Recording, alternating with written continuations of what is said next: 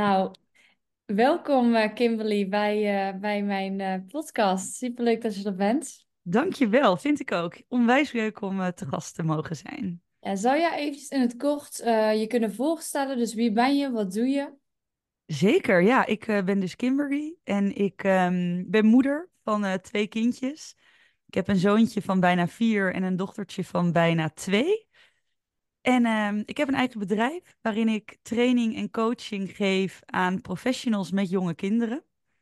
En die ehm, help ik naar meer rust en balans. doe ik zowel individueel, maar eigenlijk steeds meer binnen organisaties. Dus organisaties die eh, ja, inzien dat het ook voor de organisatie heel erg waardevol is als de medewerkers met jonge kinderen ja, veel meer balans ervaren. Juist ook omdat er natuurlijk op het moment dat je een kindje krijgt, onwijs veel gebeurt in je leven. En dat als je ja, je leven eigenlijk maar door blijft gaan zoals je dat altijd al deed, dat heel veel ouders toch ehm, ja, zichzelf heel erg tegenkomen. Dus eh, ja, dat is wat ik in mijn dagelijkse leven doe. Um, daarnaast spreek ik wel eens op evenementen. Dus ehm, volgende maand bijvoorbeeld op de negen maandenbeurs. En word ik nog wel eens gevraagd eh, als expert in verschillende media. Dus ehm, Dat klinkt wel heel interessant. Ik had inderdaad op jou, want wij kennen elkaar via LinkedIn. ja, Eigenlijk klopt. niet heel lang, eigenlijk heel eh, kort met elkaar gesproken. ehm, met de vraag of je bij mij een podcast op wilde nemen. Ja. Want ik zag dat je heel veel doet met eh, emoties bij kinderen. Je weet heel veel over emoties bij kinderen. Wacht. Sorry hoor. Geeft niks. Ja, ik zei het ook al. Mijn stem is een beetje hees ook eh, door het vele praten wat ik af en toe mijn werk moet doen. Precies, en het weer helpt natuurlijk ook niet mee. Maar Nee. eh, nou, ik zag dus dat je heel veel wist over emoties bij kinderen en dat je dus eh, oudercoach bent. Ja, klopt. Ja, dat is eigenlijk de titel die ehm, anderen aan mij hebben gegeven en waarvan ik dacht, ja, makes sense. Want dan begrijpen mensen wel in één woord dat ik ouders coach. Ja, Ja, precies.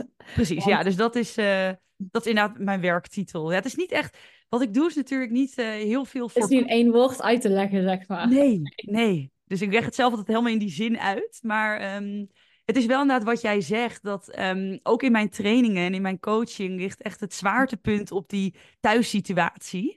En hoe Ja. je om kunt gaan met het gedrag ook en de emoties van je kindje. Want ja, Ja, dat helpt er natuurlijk onwijs bij dat op het moment dat je weet hoe je om kunt gaan met het gedrag, dan ga je zelf ook automatisch geduldiger worden. En eh, ja, het, heeft allemaal, het is allemaal in verband met elkaar. Je ja, eigen rust die je ik kan ook ervaart. wel eh, begrijpen dat ehm, wat je zegt, inderdaad binnen die organisaties, wat je dus heel veel doet. ja, Eh, ik had ook een aantal posts van je gelezen waarin je vertelde dat ehm, werk, is, heel veel mensen zeggen werk is werk, privé is privé, maar je kunt het niet altijd zo zwart-wit zien, want als iemand thuis bijvoorbeeld problemen ervaart met zijn kinderen, eh, dat neem je ook deels mee naar, naar zijn werk. ja, dat is Ehm, het. Het is echt, ja, ja, ik zeg altijd van je hebt geen aan-uitknop in je hoofd. nee, Je neemt echt dingen mee. En net als vice versa ook natuurlijk, hè, dat als er op werk dingen spelen, dan kom je ook thuis bij je partner of bij wie dan ook, vrienden, ehm, ja, waarin je dat deelt. Dus ja, er is in dat opzicht wel een scheiding in de zin van, ja, werk is natuurlijk echt iets anders dan je privéleven. Maar je gevoel en wie jij bent, dat neem je gewoon in beide mee. ja, precies. En wat is dan jouw grote missie, als je die hebt? Ja, goede vraag. Ja, mijn grote missie is eigenlijk tweedelig. Ik doe waarom ik zo enthousiast ben over mijn werk, is enerzijds omdat ik de ouders echt de rust en de balans gun om ook echt te kunnen genieten van die eerste jaren dat hun kindje er is. Ik hoor heel vaak van ja, het is een fase of we moeten ergens doorheen. En dan denk ik echt, och, tuurlijk horen sommige dingen erbij, maar het is wel echt de bedoeling dat je juist ook geniet van deze periode. Dus dat is mijn missie. Ehm, en tegelijkertijd heb ik een extra drive, omdat ik ook weet hoe goed het is voor kinderen.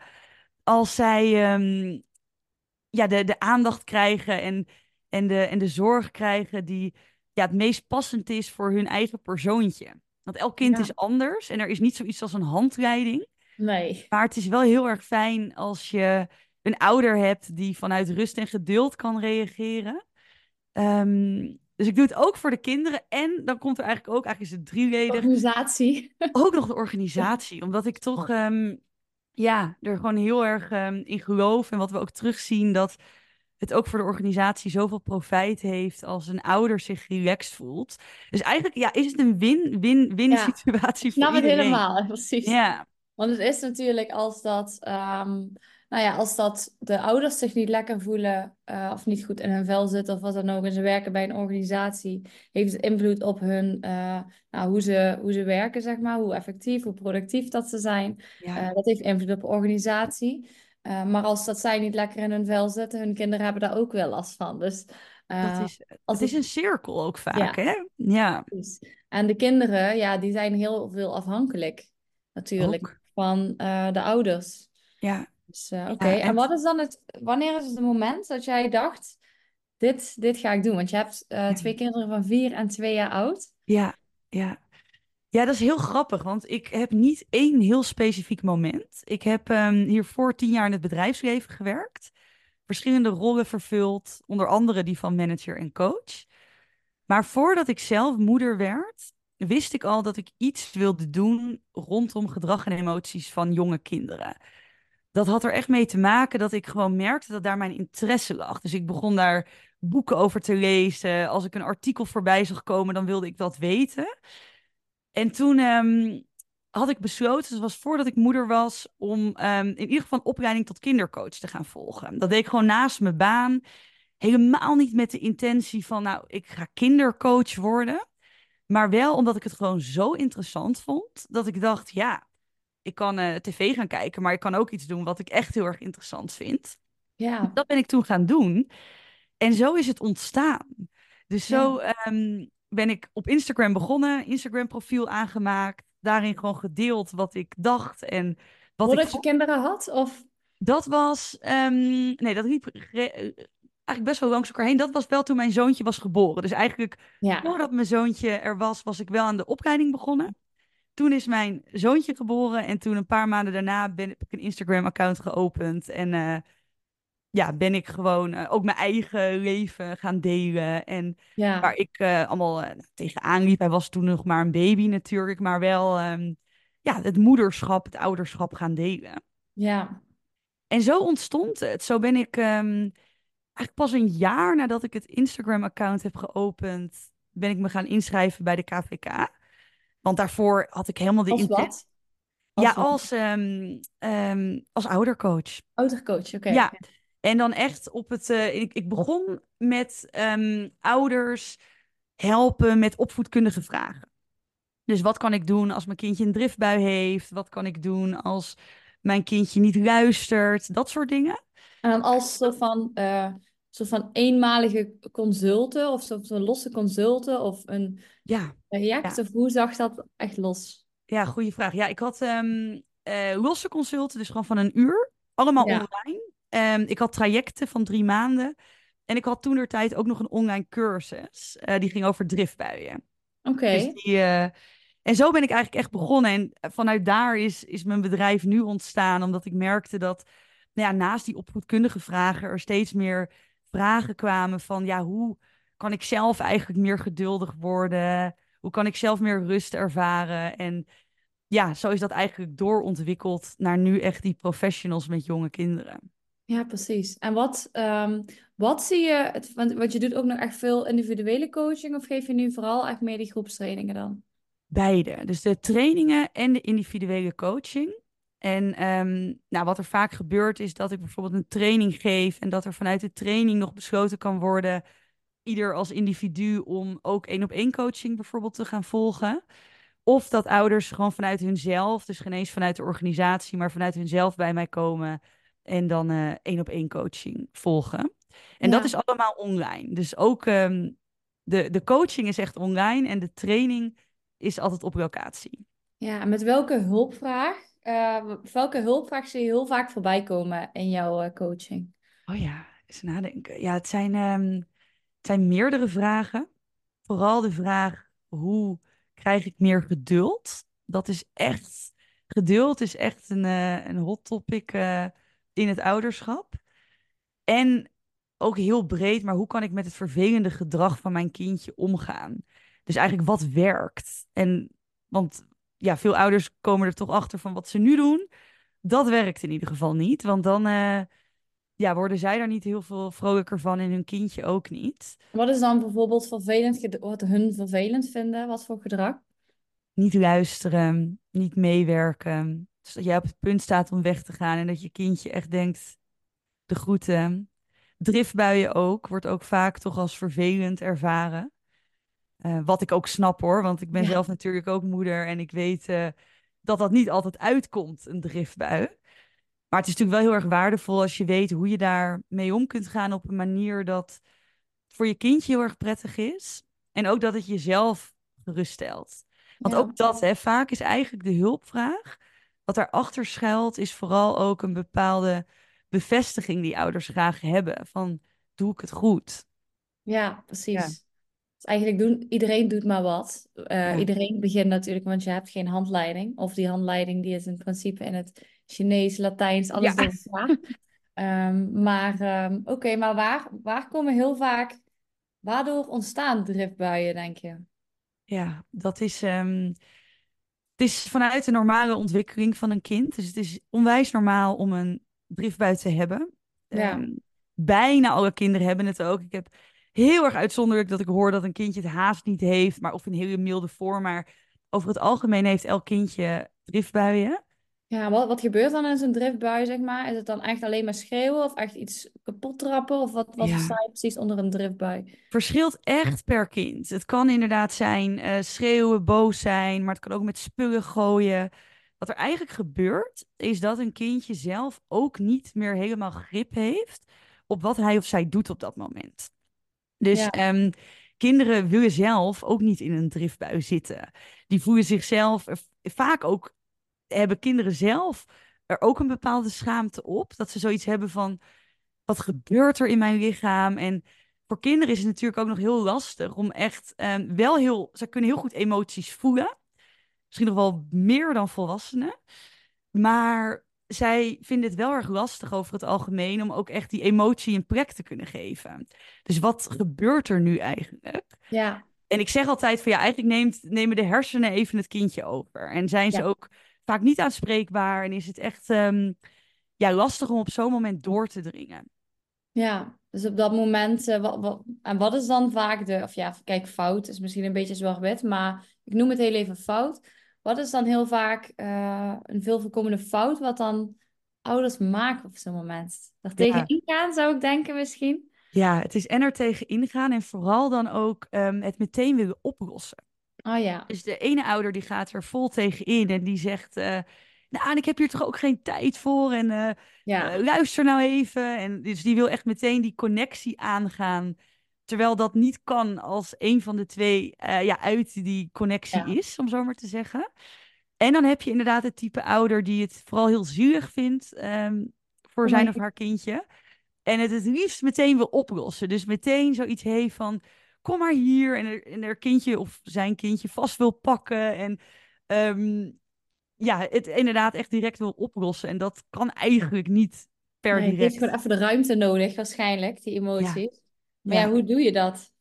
Ja, wat ik altijd zeg, ehm, is dat het goed is, zeker als je thuis bent. Er is natuurlijk een verschil tussen ehm, thuis zijn en in de supermarkt. Ja, Even als cliché voorbeeld. Het is lastig om dan even de ruimte te geven, natuurlijk. dan is het lastiger. Maar als je thuis bent, ehm, dan is het sowieso goed dat als het, de mogelijkheid er is, dus niet voor elke ouder altijd de mogelijkheid, maar als de mogelijkheid er is, om je kindje even in een andere ruimte te zetten. Ehm, zodat je even echt letterlijk van, van situatie verplaatst. Kan voor kinderen heel helpend zijn. En er dan wel bij blijven. Dus ik ben zelf eh, geen voorstander van je kindje dan alleen achterlaten in die emotie. Omdat dat eigenlijk een hele grote afwijzing is voor een kindje. Ja. En dus ik, eh, Dat is wel denk ik heel goed dat je dat even erbij zegt. Want Ja. ik denk dat dat... eh, want denk dat heel veel mensen denken... Oh, ik sta in een andere ruimte, klinkt logisch. En dan inderdaad zelf weggaan. ja, en dat voelt dan echt als, eh, ja, alsof die emotie er dan niet mag zijn. En alsof je dan iets verkeerds doet. En tuurlijk, in je ogen als ouder zijnde komt het ook niet uit, maar je kindje doet het niet met opzet. Nee, precies. En wat ik merk, dat is ook wel altijd interessant, dat op het moment dat je dat wel doet, dan duurt die driftbui vaak ook alleen maar langer. Ja. Want dan gaan kinderen om nog meer aandacht vragen en dan gaan ze tegen de deur aanslaan of schoppen. En uh, ja, dus je bereikt er echt letterlijk niks mee om je kindje alleen in een andere ruimte neer te zetten. Nee, en hoe, um, en als je dan met de, ja, je kindje naar een andere ruimte toe gaat, ja. hoe, wat, um, ja, wat zou jij dan als advies geven, bijvoorbeeld om te zeggen of om dan te doen, want je gaat mee? Ja, ja. nee, wat ik dan uh, adviseer. En nogmaals, elk kindje is natuurlijk anders. Ja. Hè? Dus als ik in een één op één coaching zit, dan kan ik natuurlijk specifiek op een, um, Mhm. op een ouder- en kind situatie meedenken. Maar over het algemeen werkt het heel erg goed om aan je kindje te laten blijken dat je als ouder zijnde emotioneel beschikbaar bent. En daarmee bedoel ik dat je um, letterlijk zegt: mocht je een knuffel willen, dan ben ik er voor je. Mhm. Je zult merken dat kinderen heel snel, um, of heel veel kinderen, laat ik het zo zeggen, dan veel sneller uit die driftbui komen. Omdat ze inderdaad denken: ja, ik weet eigenlijk ook niet waarom ik me zo gedraag en waarom ik me zo voel. Ik wil inderdaad die knuffel. Maar En dan is het, waarschijnlijk nog die weerstand dan aan de ene kant van, hm, zou ik het doen? Want dan Ja, dat is natuurlijk ook raar als ik nu in één keer een knuffel ga geven, maar omdat ze, de ouderen het dan waarschijnlijk, de, de, hoe ik het zie, dan normaal zegt, ehm, ja, dan denkt het kind van, oh wacht, ze is misschien helemaal niet boos op me. ja.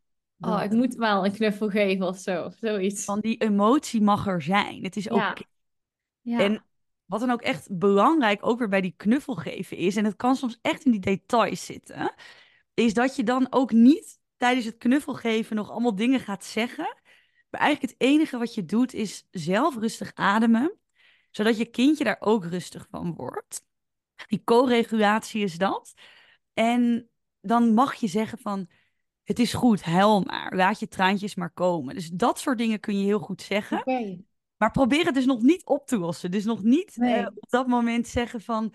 Maar waarom deed je dat dan ook? Of eh, volgende Dan keer... krijg je weer die weerstand waarschijnlijk. Ja, en dat is echt... Ja, het zijn echt die details die een heel groot verschil kunnen maken.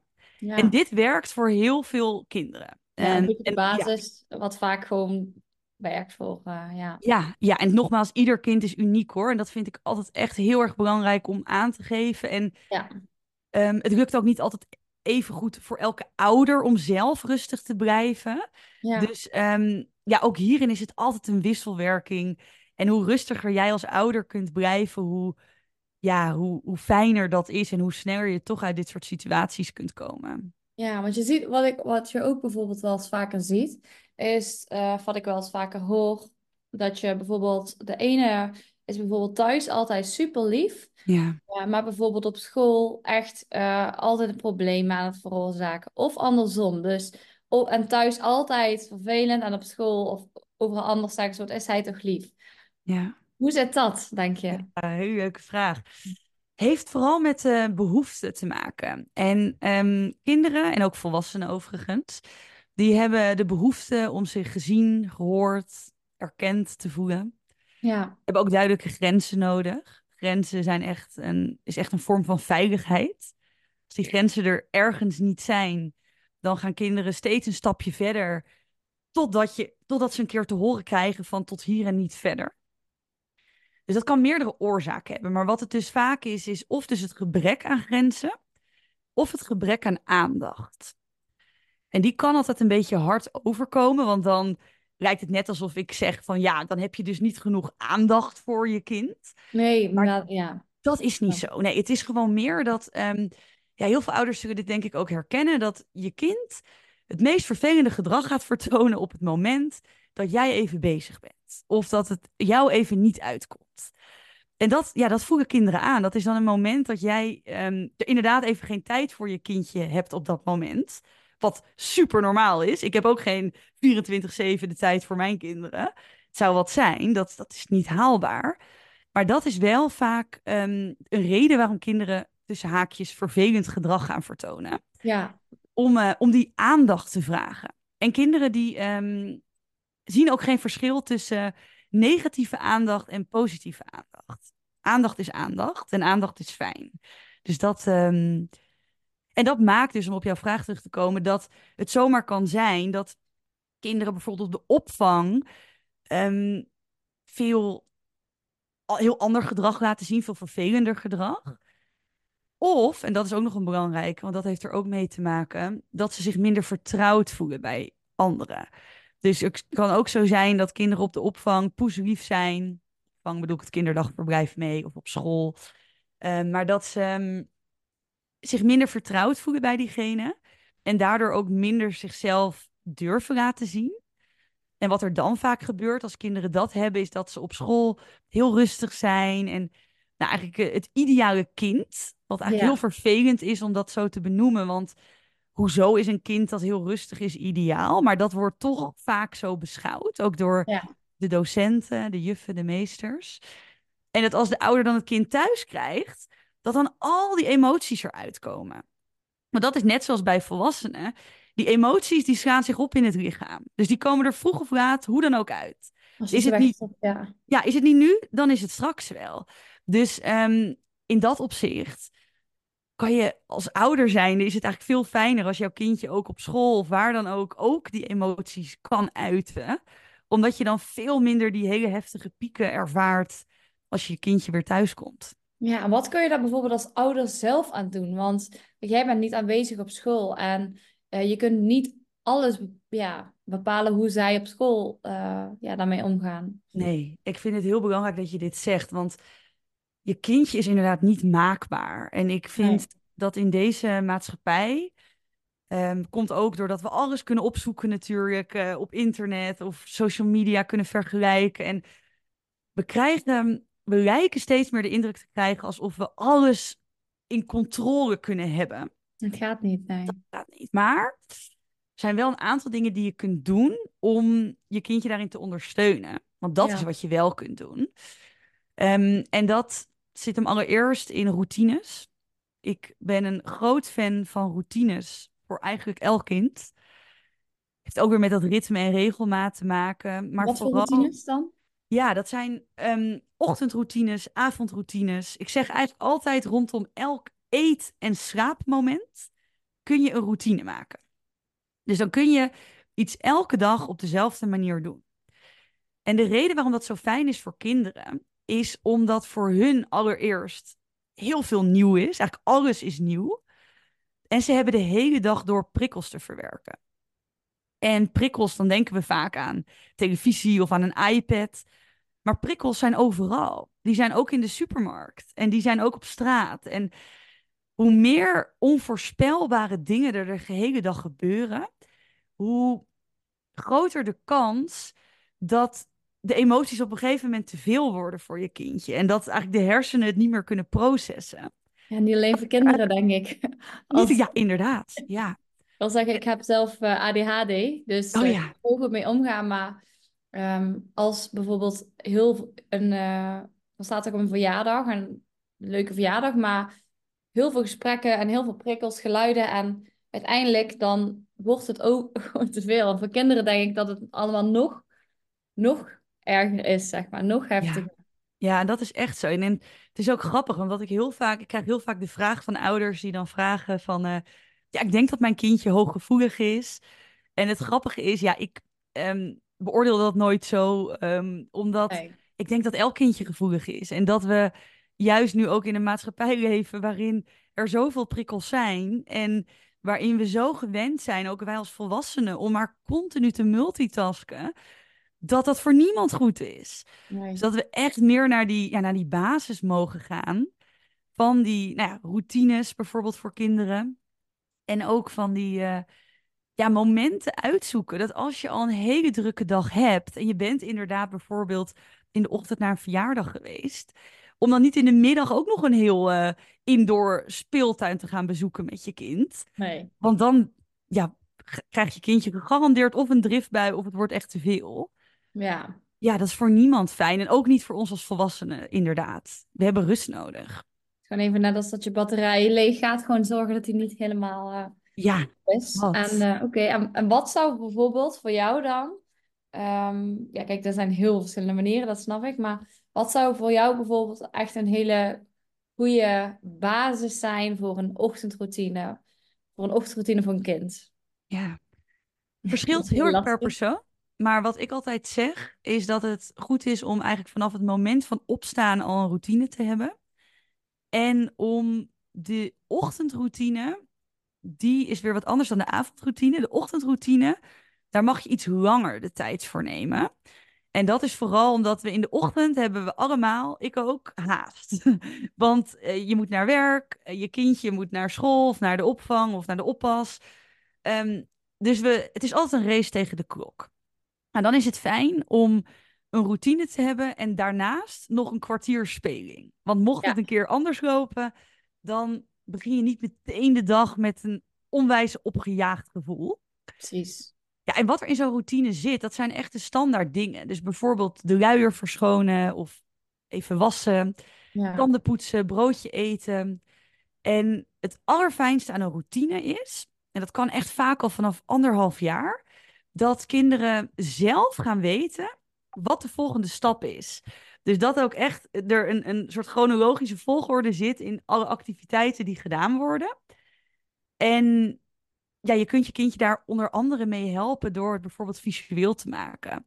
Door een visueel bord op te hangen. Daar allemaal. tijdstippen en dan de plaatjes. ja, ja. Ja, En dat, dat werkt heel goed. En ehm, ja, het, het, het, vooral, het allerbelangrijkste aan een routine is vooral om consequent te zijn als ouder. Dus om, ja, eh, niet de ene dag te denken, nou ja, we doen het wel zo, en de andere dag zo die speling die kan op het moment dat die routine helemaal ingebakken zit en dat je kindje alweer wat minder last heeft van niet meewerken of overprikkeld zijn. Maar dat als je echt merkt dat je kindje, nou ja, niet altijd even goed in zijn of haar humeur zit, dan is het echt goed om best wel eh, een strakke routine aan te houden. ja. Ja, ik kan me dat inderdaad, inderdaad wel voorstellen. Als bijvoorbeeld een ouder 's ochtends al eh, eigenlijk te laat de wekker zet, waardoor ze zelf al weinig tijd heeft gestrest, niet eens tijd neemt voor zichzelf om te eten, al een beetje geïrriteerd is, waardoor het kind ook nog wat meer, nou, als ik het even zo zeg, opgefokt raakt. Ja, ja, dat is. Ehm, dat, dat straal je uit. Ik denk dat, dat het ook een soort van energie is, die je dan overdraagt aan je kindje of kinderen. Ehm, dus ik, ja, het begint eigenlijk echt heel, heel veel bij de ouder.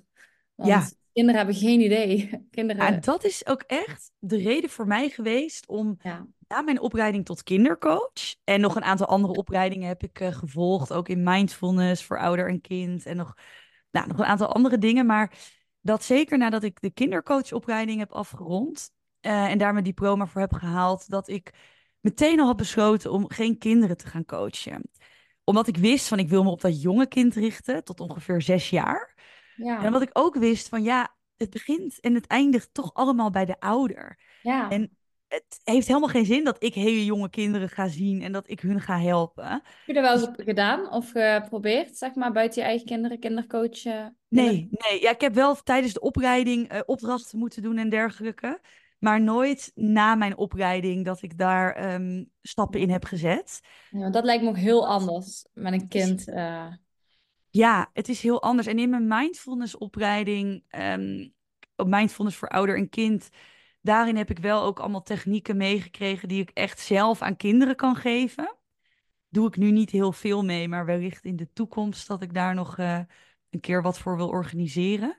gebied van ademhaling bijvoorbeeld, of eh Ja, ontspannen. aarde. Ja, ja, ontspannen. eh, hoe kinderen echt ehm, ja, eigenlijk die prikkelverwerking en hoe zij dat ook zelf kunnen doen. Dus als de ouder er niet bij is, maar ze Oké. bijvoorbeeld eh, op het schoolplein staan en ehm, eh, zich overweldigd voelen, of ehm, nou, bijvoorbeeld ook voor kinderen die gepest zijn of zich gepest voelen, hè, want het kan ook een gevoel zijn wat al niet prettig is. Heb je een voorbeeld van bijvoorbeeld een eh, oefening die ze dan zelf kunnen doen als de ouders er niet bij zijn, die als je niet toevallig weet?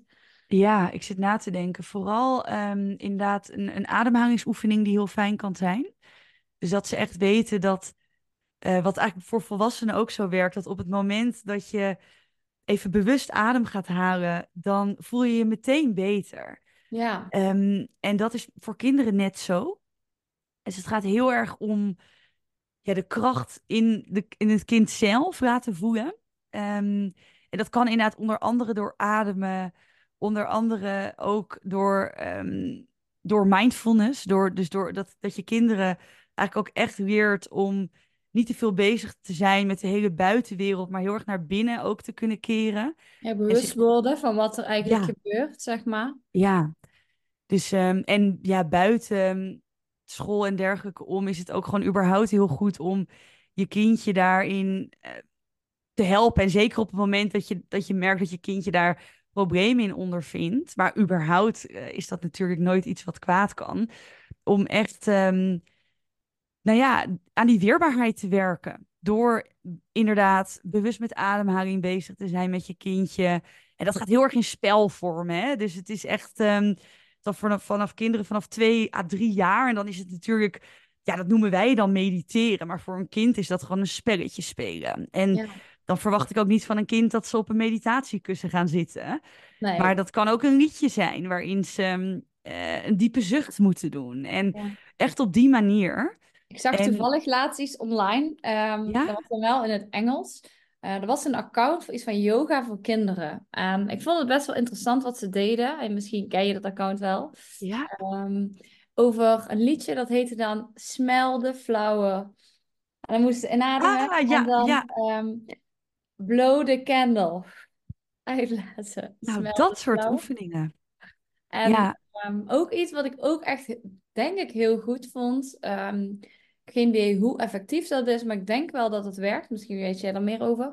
Over ehm, echt die affirmaties doen voor de spiegel met je kind vanaf jongs af aan. Wat vind jij daarvan? Ik um, vind dat heel goed. Ik um, doe het zelf niet per se voor de spiegel met mijn kinderen. Maar wat ik wel elke dag zeg. En ja, ik vind dat zelf iets heel moois. Is dat ik altijd bijvoorbeeld zeg van ik ben trots op je en je mag trots zijn op jezelf. En als mijn zoon nu van nou, bijna vier nu bijvoorbeeld ook opnoemt van wie die houdt, dan zegt hij: Ik hou van jou, mama, ik hou van papa, ik hou van mijn zusje en ik hou van mezelf. Oh. En dat heb ik er echt wel een soort van. Uh, ja, ik heb het continu herhaald. En ook. Um, ik, ik, je bent goed zoals je bent en je mag ook jezelf goed genoeg vinden zoals je bent. Dus ik geloof daar heel erg in. Um, omdat kinderen, ja, zeker als ze zo jong zijn, ben jij als ouder de grote bron van waarheid. Ja. Dus wat jij tegen jouw kindje zegt, is de waarheid. Tot een jaar of zes, zeven of hoe lang is het? Ja, echt? dat verschilt ook weer. Um, bij het ene kindje duurt dat langer dan bij het andere kindje. Maar je moet het eigenlijk zo zien dat naarmate de omgeving van het kindje steeds groter wordt, wordt dat steeds minder. Want dan krijgen de, de meesters en juffen op school meer impact. Um, en ook de ouders van andere kinderen waar ze dan bijvoorbeeld komen te spelen. Dus hoe groter de wereld, hoe minder grote impact. Maar de ouders die blijven altijd met stip op nummer één. Dat is zelfs nu, ik ben 31. En zelfs nu is de bevestiging van je ouders ja. misschien wel de belangrijkste bevestiging die je kunt krijgen. Heeft het dan met systemisch uh, te maken, zeg maar? Dat ja. Stukje? ja, en dat, um, ik ben zelf geen systemisch uh, of systematisch coach, maar dat heeft er echt mee te maken. Dat en eigenlijk die behoefte wat, waar ik het net ook over had, dat gezien worden, dat erkend worden, dat begint al vanaf baby af aan. Ja. En dan zijn je ouders daar voor jou. Dus dat, dat gaat nooit meer weg. Ja. Um, en uiteraard wil je dat op latere leeftijd ook van je collega's krijgen of van je werkgever. Maar je ouders is echt de belangrijkste factor in hoe je naar jezelf kijkt en wat je jezelf gunt. En, en dat heeft ook weer te maken, natuurlijk, hebben we het weer over nature en nurture. Dus ook gewoon omdat je natuurlijk heel erg. Uh, nou, je bent misschien niet letterlijk een kopie van je ouders, maar je gedraagt je natuurlijk ook weer zoals je ouders zich op heel veel vlakken gedragen. Neem dingen over natuurlijk. Kopieer ja. Ja, op onbewust en bewust niveau. En dat stopt niet op een bepaalde leeftijd. Dus nu nog steeds doe ik dingen omdat mijn ouders dat zo doen. Of mijn grootouders of mijn voorfamilie. Dat, uh, ja. ja, dat gaat generatie op generatie door. Totdat iemand daar uh, actief mee bezig gaat zijn. Ja, ik vind oprecht, ik vind oprecht heel, ook echt heel interessant wat je doet. En ik vind het ook echt heel goed. Want ehm, kijk, ik, ik ehm, hoe zeg je dat? Ik veroordeel niemand. Ik veroordeel geen ouders. Want de meeste ouders hebben gewoon letterlijk geen idee. Ja, En als jij, ja, je doet ook maar gewoon je best voor je kind. En je doet waarschijnlijk gewoon eh, wat jij denkt dat goed is vanuit je liefde voor eh, het kind. De meeste ouders dan, er zijn natuurlijk altijd uitzonderingen. ja, verreweg komt, iedereen, ja. het heeft natuurlijk ook weer bepaalde redenen waarom mensen dat dan misschien niet doen. Ehm, maar ja, die kennis, ik vind dat moet, dat moet gewoon echt naar iedereen. Iedere Ja, ouder moet dat gewoon weten, zodat we eigenlijk straks gewoon allemaal generaties krijgen waar, ehm, ja, iedereen heeft trauma's, zal ook blijven, maar waardoor die trauma's niet meer zo groot zijn, zeg maar. Eh, ja. waardoor iedereen wat emotioneel gezonder opgroeit. Zo zie ik dat ook. En ik, ik denk ook precies wat jij zegt, dat trauma's zullen er altijd zijn. En trauma's, je, ik- soms denk ik zelfs nog hoe harder je je best doet om al die trauma's te voorkomen, hoe meer trauma's je meegeeft. Want dan kan er bijvoorbeeld weer perfectionisme bij je kindje komen. Dus Mm. er is altijd een soort van twee kanten. Maar Maar het is inderdaad wel, ja, maar het is inderdaad wel wat je zegt, dat ehm, het zo helpend is om bepaalde kennis te hebben, omdat je dan dingen heel anders aanpakt en zelf ook veel minder gedoe ervaart. En precies wat je aangeeft, zodat je kindje ook vooral heel erg zichzelf kan zijn. Ja, En dat vind ik zelf naar mijn eigen kinderen, maar ook ieder ander kind, ehm, vind ik het heel erg belangrijk dat ze vooral zichzelf kunnen zijn en dat ze niet bepaald gedrag moeten vertonen, omdat ze dan in de maatschappij passen. Maar dat het er veel meer om gaat dat zij zichzelf kunnen zijn, dat de ouders ook weten hoe ze hun kindje daarin kunnen begeleiden. Want dat is wat kinderen nodig hebben. Die hebben wel die begeleiding nodig. ja. Dus echt die grenzen weer. Hè? Dus niet, je kan niet zeggen van nou, wees Kijk maar goed. jezelf en eh, zoek het uit. Weet je wel, dat werkt niet.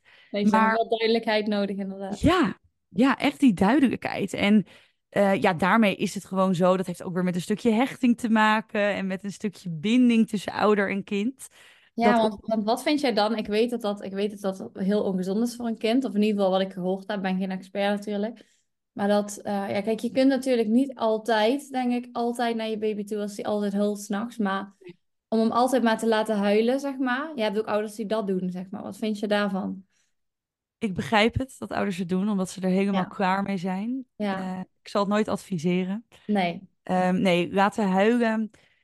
Ja, ik vind het altijd een, ehm, een lastige om daar ehm, uitspraken in zijn algemeenheid over te doen. Want in algemene stelling zeg ik nee, niet laten huilen, niet doen.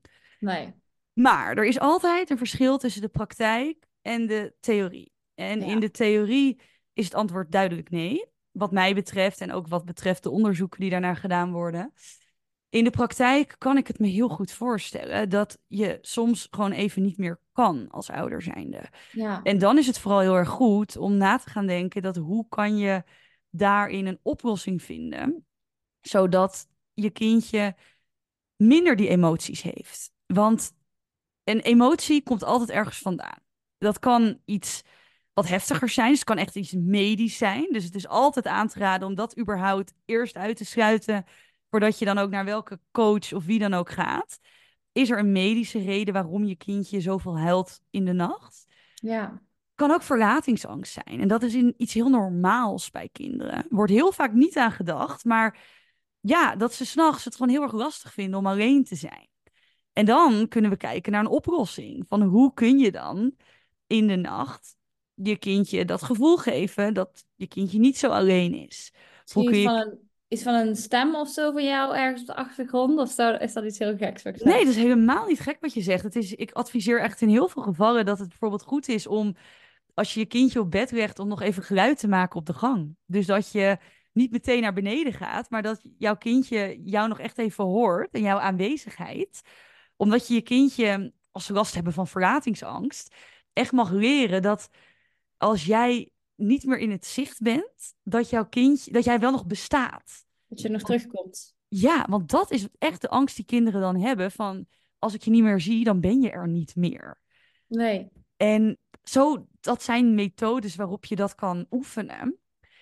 Ehm, dus ja, nee, dat, dat niet laten huilen, dat is inderdaad ehm, iets Wat wat ik vind jij dan van op het begin, eh, sorry dat ik je onderbreek, op het begin met eh, slapen, zeg maar, kinderen bij jou op de kamer of apart? Ook dat is heel persoonlijk. Ehm, en ik eh, zal nooit eh, zeggen hoe een ander iets moet doen. nee. Ik ben er echt om, om advies te geven. Het is wel bewezen dat ehm, de kans op bijvoorbeeld onder andere wiegedood, dat dat groter is op het moment dat je je kindje direct na de geboorte en alle weken en maanden die daarna volgen op het eigen kamertje legt. Dus dat het echt wel goed is om met je kindje eh, te slapen in de eerste fase van zijn of haar leven. Wij zijn ook echt in de westerse cultuur eigenlijk een van de weinige culturen die meteen het kindje op het eigen kamertje neerlegt. Ehm, in heel veel culturen ehm, slapen ouder en kind samen. Maar daarbij, en daarom ben ik heel voorzichtig met algemene adviezen, eh, moet je ook heel erg oppassen met je kindje in je eigen bed neerleggen. dus niet Want oprolt of zo. ja, omrollen, maar ook eh, de dekens die wij gebruiken in ons bed, die zijn voor pasgeboren baby's nog helemaal niet veilig.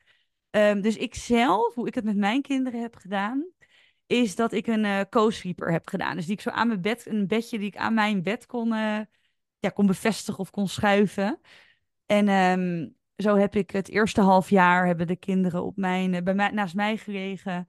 En ik heb toen zelf ervoor gekozen om na het half jaar hun op het eigen kamertje te doen. En daarbij komt het nog steeds, mijn dochtertje is bijna twee, en komt het nog steeds wel eens voor dat als zij helemaal overstuur is, dat ze bij ons op de kamer ligt. En maar Ja, in de basis niet. Dus ze gaat gewoon elke avond naar haar, naar haar eigen kamer, naar haar eigen bedje. Ehm, maar het is super persoonlijk. En op het moment dat je als ouder geen oog dicht doet als je kindje bij jou op de kamer ligt. En ja je daardoor ja, en dat het opbreekt, ja, dan is dat ook. Het gaat altijd om wat is het beste voor je kindje en wat is het beste voor jou. Die twee dingen kunnen niet los van elkaar staan. Nee. Dus daarom is het altijd zo persoonlijk eh, wat voor een ouder of voor een kind werkt. Ja, en want dat is echt een hele jonge fase, zeg maar. Maar als je dan even naar iets oudere eh, kinderen gaat, eh, die bijvoorbeeld echt gepest worden op school. eh, hoe, hoe ga je daar als ouder mee om? Ja, het lijkt me echt. eh, ik, ik hoop het nooit mee te hoeven Nee. maken, want dat lijkt me onwijs lastig. Ik denk ook dat hierbij, ehm, ik richt me dan vooral dus echt op jonge kinderen. Dus echt ouders die aankomen met dat hun kindje gepest wordt, die krijg ik niet. Nee. Maar ik heb het wel vanuit mijn opleiding ehm, meegekregen hoe hiermee om te gaan. En het allerbelangrijkste wat je als ouder kunt doen, en dat geldt voor pesten, maar dat geldt voor alle situaties die je in het ouderschap tegen kunt komen, is om je kindje bij te staan en om niet te proberen om het op te lossen voor je kindje. Want daar heeft je kindje niks aan. En dat lijkt mijzelf, dus als we het over pesten hebben, het allerlastigste wat er bestaat op de wereld. En ik denk ook dat ik, nou, op de wereld is misschien wel heel overdreven, maar in ieder geval dat je, dat lijkt me echt onwijs pittig. En ik zou denk ik ook zelf pas weten hoe ik daar zelf in zou reageren als mij dat zou gebeuren bij mijn kind. Ehm, maar het allerbelangrijkste is om je kindje heel erg die eigen waarde vanuit huis mee te geven. Dus onder andere die affirmaties, onder andere ook eh, buitenshuis met andere kindjes je kindje laten spelen. En om echt te laten zien dat de eigen waarde van jouw kindje niet afhangt van wat andere kinderen doen. Ja. Ja, en Dat als is ze wel echt een mooi wat je zegt toevallig, want ik ben eh, vroeger op de middelbare school, dat was ik wel iets ouder, was ik 12, Ja? 13, ben ik gepest eh, geworden om een, een Oh, heel stom voorval. ja, Eh, nou ja, je kon dat ook niet per se negeren of zo, als er dingen naar je geroepen werden. Eindelijk ging dat om één iemand die dan mensen opstookte. En eh, uiteindelijk heeft mijn moeder wel gebeld eh, naar ja, die moeder van haar, omdat ze echt helemaal klaar ermee was. Ze wist niet meer wat ze moest doen. Dat heeft het toen voor toen even opgelost ook hoor. Maar wat Eh, goed. en toen moest het kindje wel stoppen. Maar ja, ik denk in de meeste gevallen, je wilt niet als ouder ertussen springen en eh, nog zorgen dat het erger wordt of zo. Ja, niet meteen. Ik denk dat dat, het is ook echt aanvoelen wat dan het moment is dat, ehm, dat je daartussen moet Ja, springen. En het is, kan sowieso natuurlijk nooit gedaan kwaad. inderdaad. Ja, en het kan ook nooit kwaad, zeker als je kindje op de basisschool zit, om het wel al vroegtijdig met de docent te overleggen. Hè? Dus Ja, van joh, ik krijg deze geluiden vanuit huis en ik maak me vanuit mijn kindje en ik, ehm, ja, het zit me niet lekker. Zou jij er ook eens naar kunnen kijken? En ik ben zeker als het om pesten gaat, echt van mening dat de invloed van een juf of meester enorm groot is. Ehm, en dat die ook echt een heel groot gedeelte de sfeer in een klas kunnen bepalen. Niet in zijn geheel, tuurlijk niet. Ehm, maar die hebben een hele grote rol daarin. Ja, maar ze Eh, kunnen wel zien als dat iemand eh, de grenzen van een ander kindje overheen gaat en als ze er niks mee doen, ja, dan gebeurt het weer, zeg maar. Dus eh, dat ook. Maar wat jij net zei, iets over, dat is toevallig, ik ben een boek aan het schrijven. ehm, ja, wat over, interessant. Ik zag het. ook over anderen, die situatie, die komt er ook een soort van deels in voor dan. eh, maar wel op een manier dat iedereen zijn lessen eruit haalt. Maar daar Ja, staat ook iets in van, eh, ik weet even niet precies hoe ik het heb geschreven, dat het heel belangrijk is dat je niet ehm, moet koppelen, zeg maar, dat iemand... wacht, even voor je beeld. Ik heb ja, vroeger in woonunits gewoond, eh, want ons huis was afgebrand en ik was altijd heel erg bang dat anderen daar iets van zouden vinden als kind. Eh, omdat ik dacht, daar vinden ze me niet leuk, omdat ik in de units woon. Dus het is echt heel erg belangrijk om los te koppelen van wat je hebt of wat je doet, ehm, van, je, van wie je bent.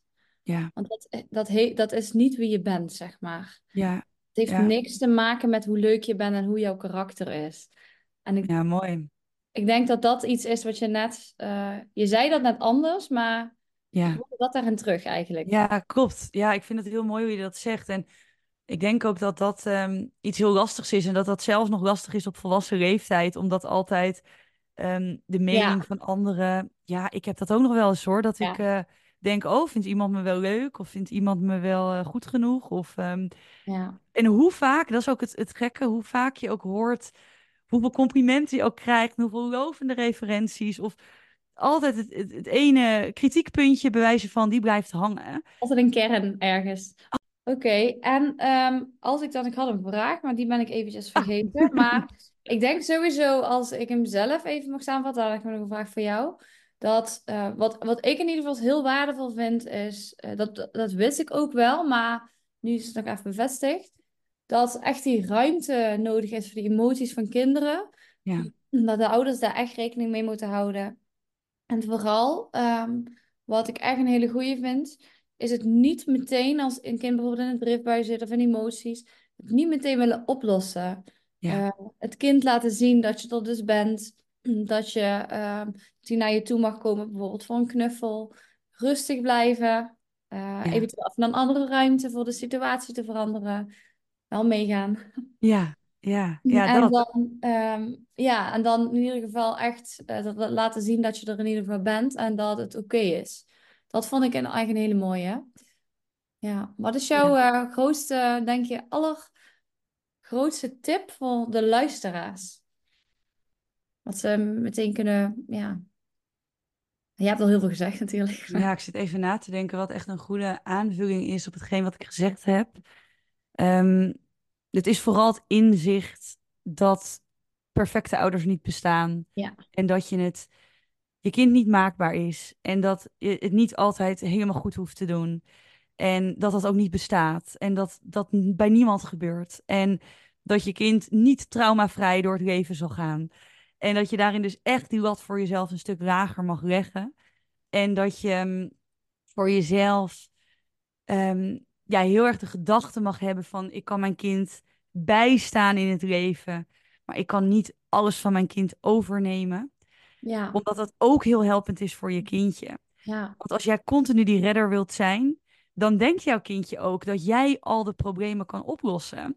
Terwijl als jij angst gaan leven of zo, als, ze- als, als zoiets gebeurt? Dat ze heel veel angsten krijgen of heel voorzichtig zijn? ja, Ja, de ouder krijgt heel erg Ja. dat in controle willen zijn. En het kind krijgt daarbij heel erg het idee van, los het voor me op.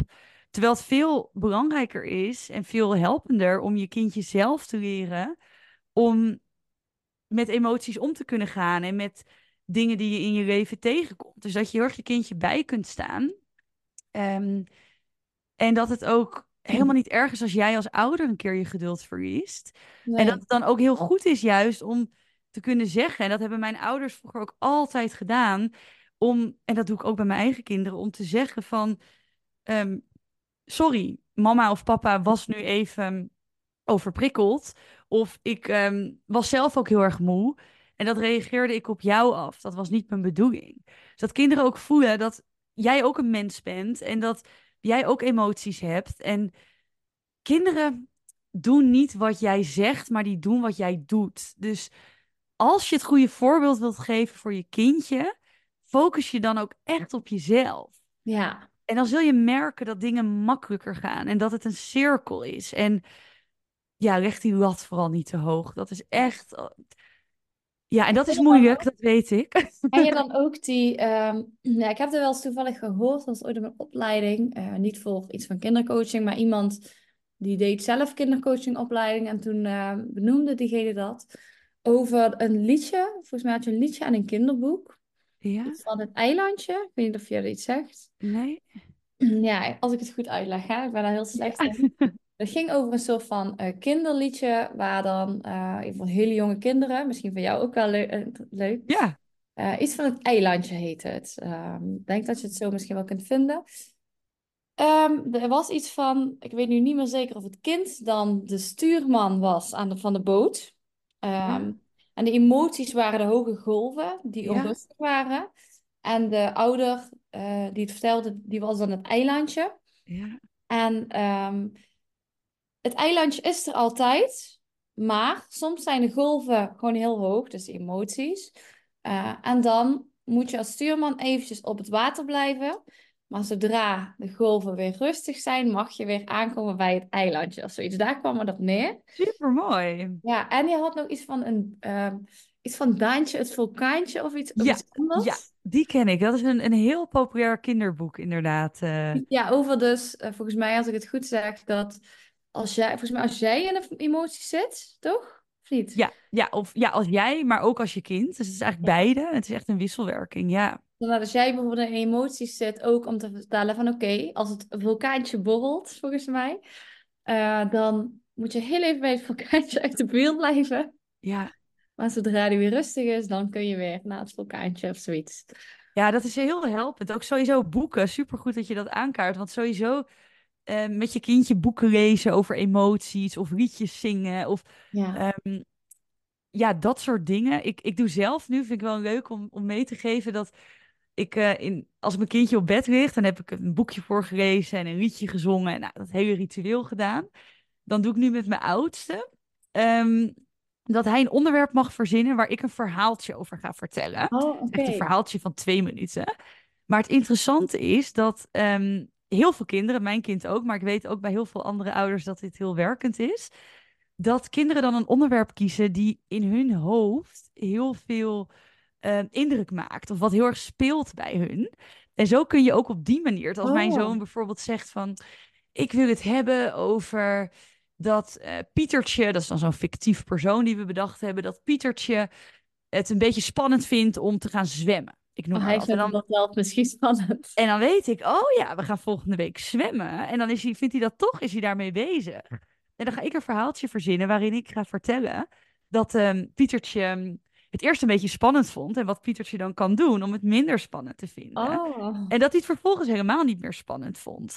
Dus zo kun je ook eigenlijk op een soort onbewust niveau, door boekjes voor te lezen, door verhaaltjes te verzinnen, um, je kind daarin te betrekken, kun je, zonder dat je letterlijk hoeft te zeggen, jij dit en jij dat, dat maakt het allemaal zo zwaar, Ja. om op hele lichte wijze eigenlijk je kindje daarmee te helpen. Hij weet niet dat, dat uh, jij er weet dat het over hem gaat, maar jij Hij weet dat niet. natuurlijk.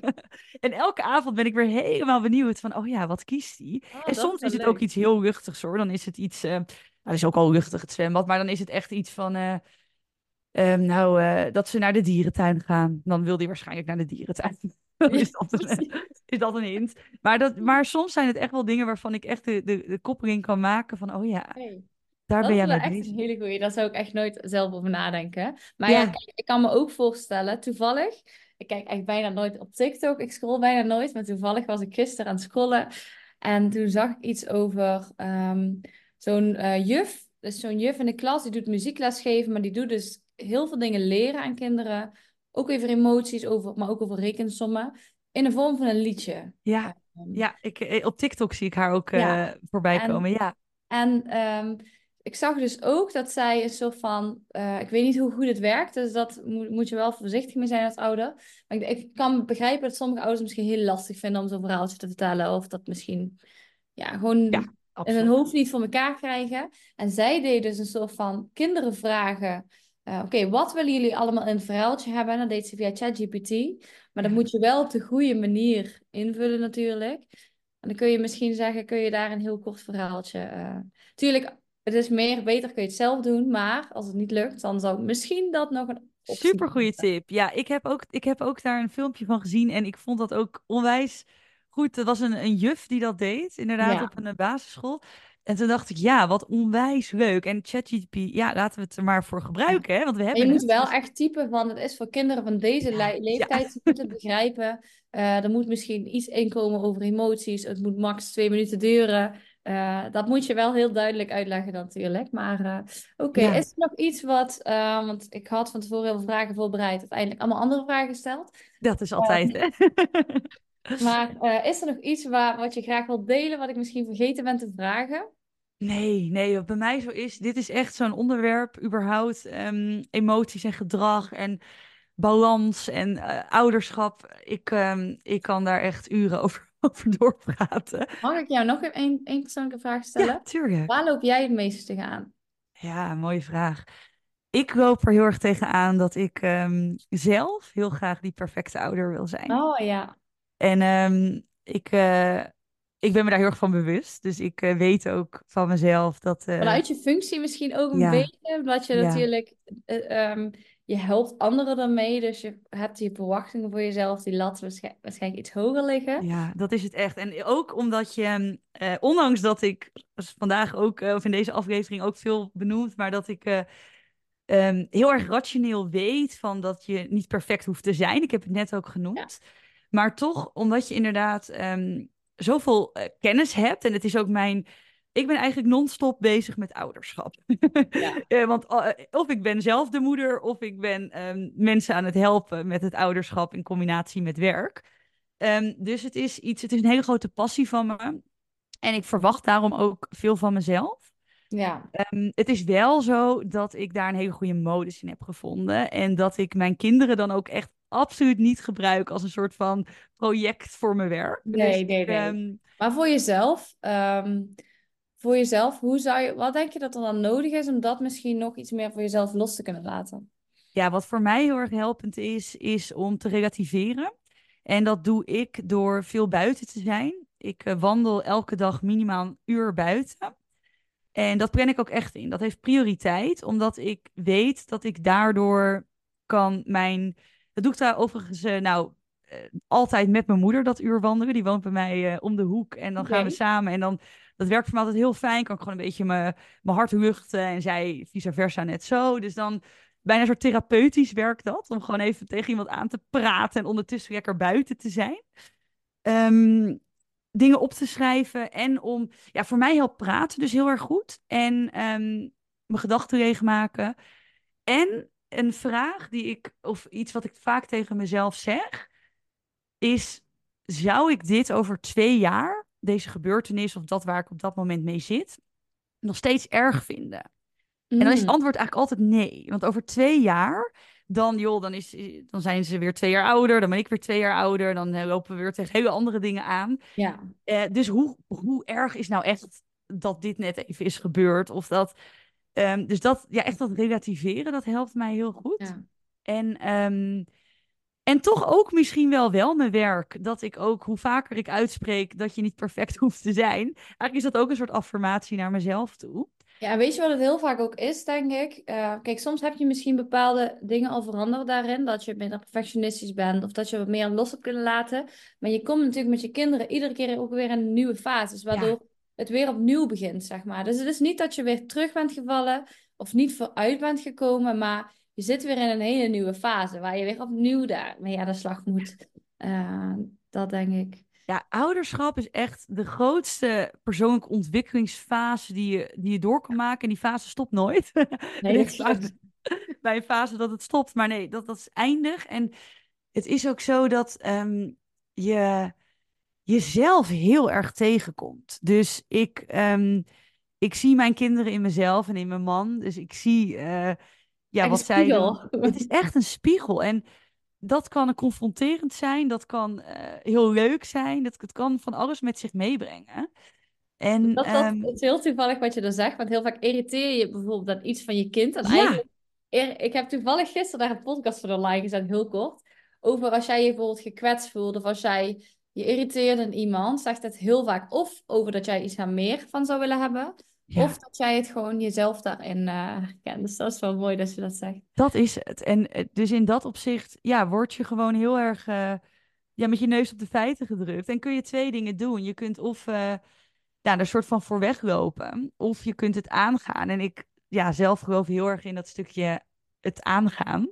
Om, ehm, omdat je daar als mens zo onwijs van groeit. Ik ben zo Ja. gegroeid als persoon sinds ik moeder ben. Ja, Ehm, en het maakt het niet per se makkelijker mijn leven, maar wel echt zoveel mooier, leuker. En ehm, ja, eigenlijk ook gek genoeg de band met jezelf ja, wordt daardoor, eh, in mijn geval in ieder geval, ehm, ja, een stuk relaxter. Ik, ik, ja. ik begrijp mezelf heel goed en ik weet nu als ik aan het piekeren ben, oh ja, ik ben aan En je het hebt het piekeren. gewoon wel gedaan, hè? Kijk gewoon eens even wat je dan allemaal niet gedaan hebt. Ja, Al ja, ja. En het is gewoon echt. Ehm, heel zelf, je wordt er heel zelfbewust van en dat kan heel confronterend zijn. Maar als je soort van die grens overgaat van dat het naast confronterend ook heel helpend is, dan doet dat echt heel veel goeds met je. Ook Ja. met wat er in je hoofd allemaal afspeelt en de druk die je ervaart. Dus ehm, ja, ik ben me er heel erg bewust van dat ik het soms heel graag eh, perfect wil doen en dat ik mijn kinderen heel erg wil helpen om. Maar het is ehm, ook heel mooi dat je dat al toegeeft, snap je? ja, ja, oh, denk absoluut. dat heel veel mensen stap dat één. zeggen van, oh ja, maar dat doe ik niet en eh, ik ben niet perfectionistisch. Of ze zien perfectionistisch als een, eh, als een positief iets. Dat Ja, heb je ja, ook, hè? Ja, Dus, eh, maar eh, even nog om een af te ronden, zeg maar. ja. Eh, wat misschien nog leuk is als je, ik weet niet of je iets van bepaalde spelletjes of liedjes of boekjes hebt, zeg maar, die ik misschien ook in de beschrijving kan typen Ja, daar. zeker. Ehm, een heel leuk liedje wat met mindfulness te maken heeft, dat kan je op YouTube ook vinden. Dat heet De Wandelende Boom. En dat is een heel kort liedje. Ja, De Wandelende Boom. En dat is een heel kort liedje wat je kunt doen om, nou echt eventjes ehm, op hele spelende wijze met al heel jonge kinderen, om je kindje even tot rust te laten komen. Ehm, Boeken, ja, vind ik heel erg lastig om aan te raden. Nou, net wat je net noemde, dat vulkaantje, dat is er eentje die ik wel vaker aanraad. Ehm, En zelfs de, verhaaltjes gewoon. ja, en zelf. En het, eigenlijk wat ik het meest aanraad als het om kinderboeken gaat, dan is het wel om echt te kijken met, ja, welk topic speelt er nu in jouw kindje zijn of haar leven? En om daar een goed boekje bij te vinden. Ik heb bijvoorbeeld ehm, de afgelopen tijd heel erg in de zindelijkheidsfase gezeten van eh, mijn kindje die zindelijk wordt. En toen was er een heel goed boekje van Paw Patrol. Hij is helemaal fan van Paw Patrol, die, Oh ja. die hondjes. En die hebben dan een boekje die, eh, waarin ze kinderen gaan helpen om op de wc te plassen. Nou, dat is een win-win situatie, want mijn kind is fan van Paw Patrol. En eh, zij gaan ook nog eens vertellen hoe je op de wc kan zitten. Dus dan hoef Dat ik het niet te weten. dat ze dat doen ook, ja. Ja, dus dat is vooral eigenlijk een tip die ik mee wil geven. Is dat kijk echt naar het topic wat voor jouw kindje nu interessant is. En daar een goed ehm, boekje bij te vinden. Ja. Ja, dat en het qua... onderwerp kiezen vind ik echt een hele goeie. Ja, dat Echt is. Het meest... Het, het, eigenlijk is het belangrijkste om in die belevingswereld van je kindje te stappen. Ja, zou je dan ook ooit iets van eh, iets willen, ik weet niet of je dat al hebt überhaupt, Eh, zou je dan ook ooit iets willen ontwikkelen of wat dan ook, iets van een boekje of een spelletje of iets voor, eh, ja, weet ik niet, het lijkt me wel iets wat bij jou Ja, stukje past, zeg maar. ik... ehm, voor nu staat het nog niet op de planning. Nee. Wellicht ooit. Ik ehm, merk dat als ik dat zou doen, dan zou het een boek of een spel moeten zijn waarin ik niet zeg hoe je iets moet doen, maar waarin ik inzichten kan geven waardoor ouders zelf kunnen bepalen hoe ze iets kunnen doen. Ja, Het lastige, en daarom adviseer ik eigenlijk ook nooit opvoedboeken voor volwassenen zelf. nee, Eh, wordt zijn wel heel- handboek. Eh, Ja, ja. en het, het kan wel heel interessant zijn hoor. Dus ik heb zelf ook wel een aantal boeken gelezen. En het, ik kan daar zeker inspiratie uit halen. Maar het gevaar vind ik gewoon dat je, als ik dat als advies ga geven, alsof het dan lijkt dat als je dat boek leest, dat je. Van de perfecte ouder bent. Ja, en of dat je het dan volgens die hele theorie moet doen. Ja. Kijk, nu in zo'n aflevering geef ik allemaal tips en adviezen. Ehm, Maar je zegt ook heel duidelijk, dat is Ja. ook heel goed vind ik. Je zegt ook heel duidelijk van, dit is niet specifiek, dit is vaak de basis, maar ook niet altijd. Weer iets anders. Dus dat, maak je daar geen zorgen om. Dat is het, ja. En dat is echt inderdaad wat ik zo... Ik kan het echt niet vaak genoeg benadrukken. Omdat als we wel allemaal boeken gaan lezen en, ehm, en niet horen dat het niet per kind of per ouder verschillend is, dan krijgen ouders heel snel het gevoel dat ze het niet goed doen of dat ze falen. Of waarom lukt het Ja. bij mij dan niet? Dat Maar dat ligt niet aan jou. over. Dus het, die cirkel weer. eh, Ja, en het, het ligt niet aan jou, het ligt er dan gewoon aan dat dan een andere methode voor jou weer beter werkt. En daarom ben ik voorzichtig met algemene adviezen. Ehm, maar weet ik wel dat de adviezen ook die ik zojuist heb gegeven, dat die wel 9 van de 10 keer werken. Ja, Dus maar dat je dat- zegt ook, zeg maar, dat een ouder daarmee zelf moet kijken.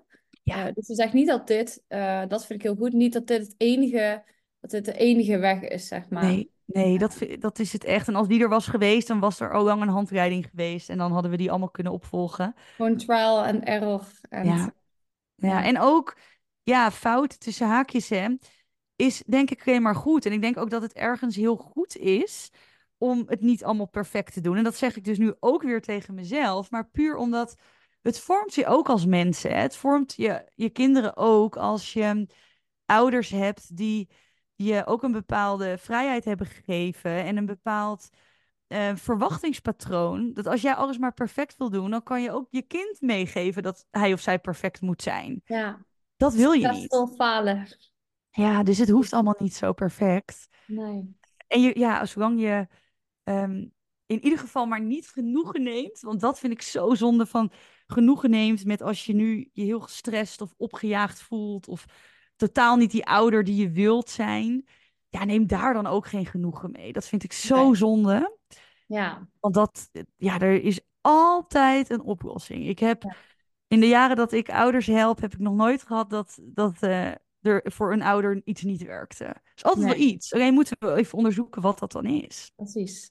Dat is heel mooi dat je het zegt. Dus laat het er niet bij als je ergens niet blij mee bent. En blijf zoeken naar die oplossing. En als het niet lukt, vraag hulp. Vraag hulp aan Kimberly. Ja, ja mag aan een ander. Of, maar inderdaad, bij wie jou, eh, wie jou past en wat voor jou werkt. Dat vind ik gewoon het belangrijkst. Maar in ieder geval, ik, ehm, ja, je hebt eh, social media accounts. En eh, ik Ja. weet niet website hebt. Waar kunnen ze jou vinden? Ja, eigenlijk ben ik... denken, ik ehm, wil echt naar ja, Kimberly. Dat is, het klinkt goed. Goede, fijne energie. Ik, ik moet haar hebben. Ja, mocht dat zo zijn, of mocht je überhaupt meer info willen of iets gratis willen downloaden, dan eh, kan dat op mijn website.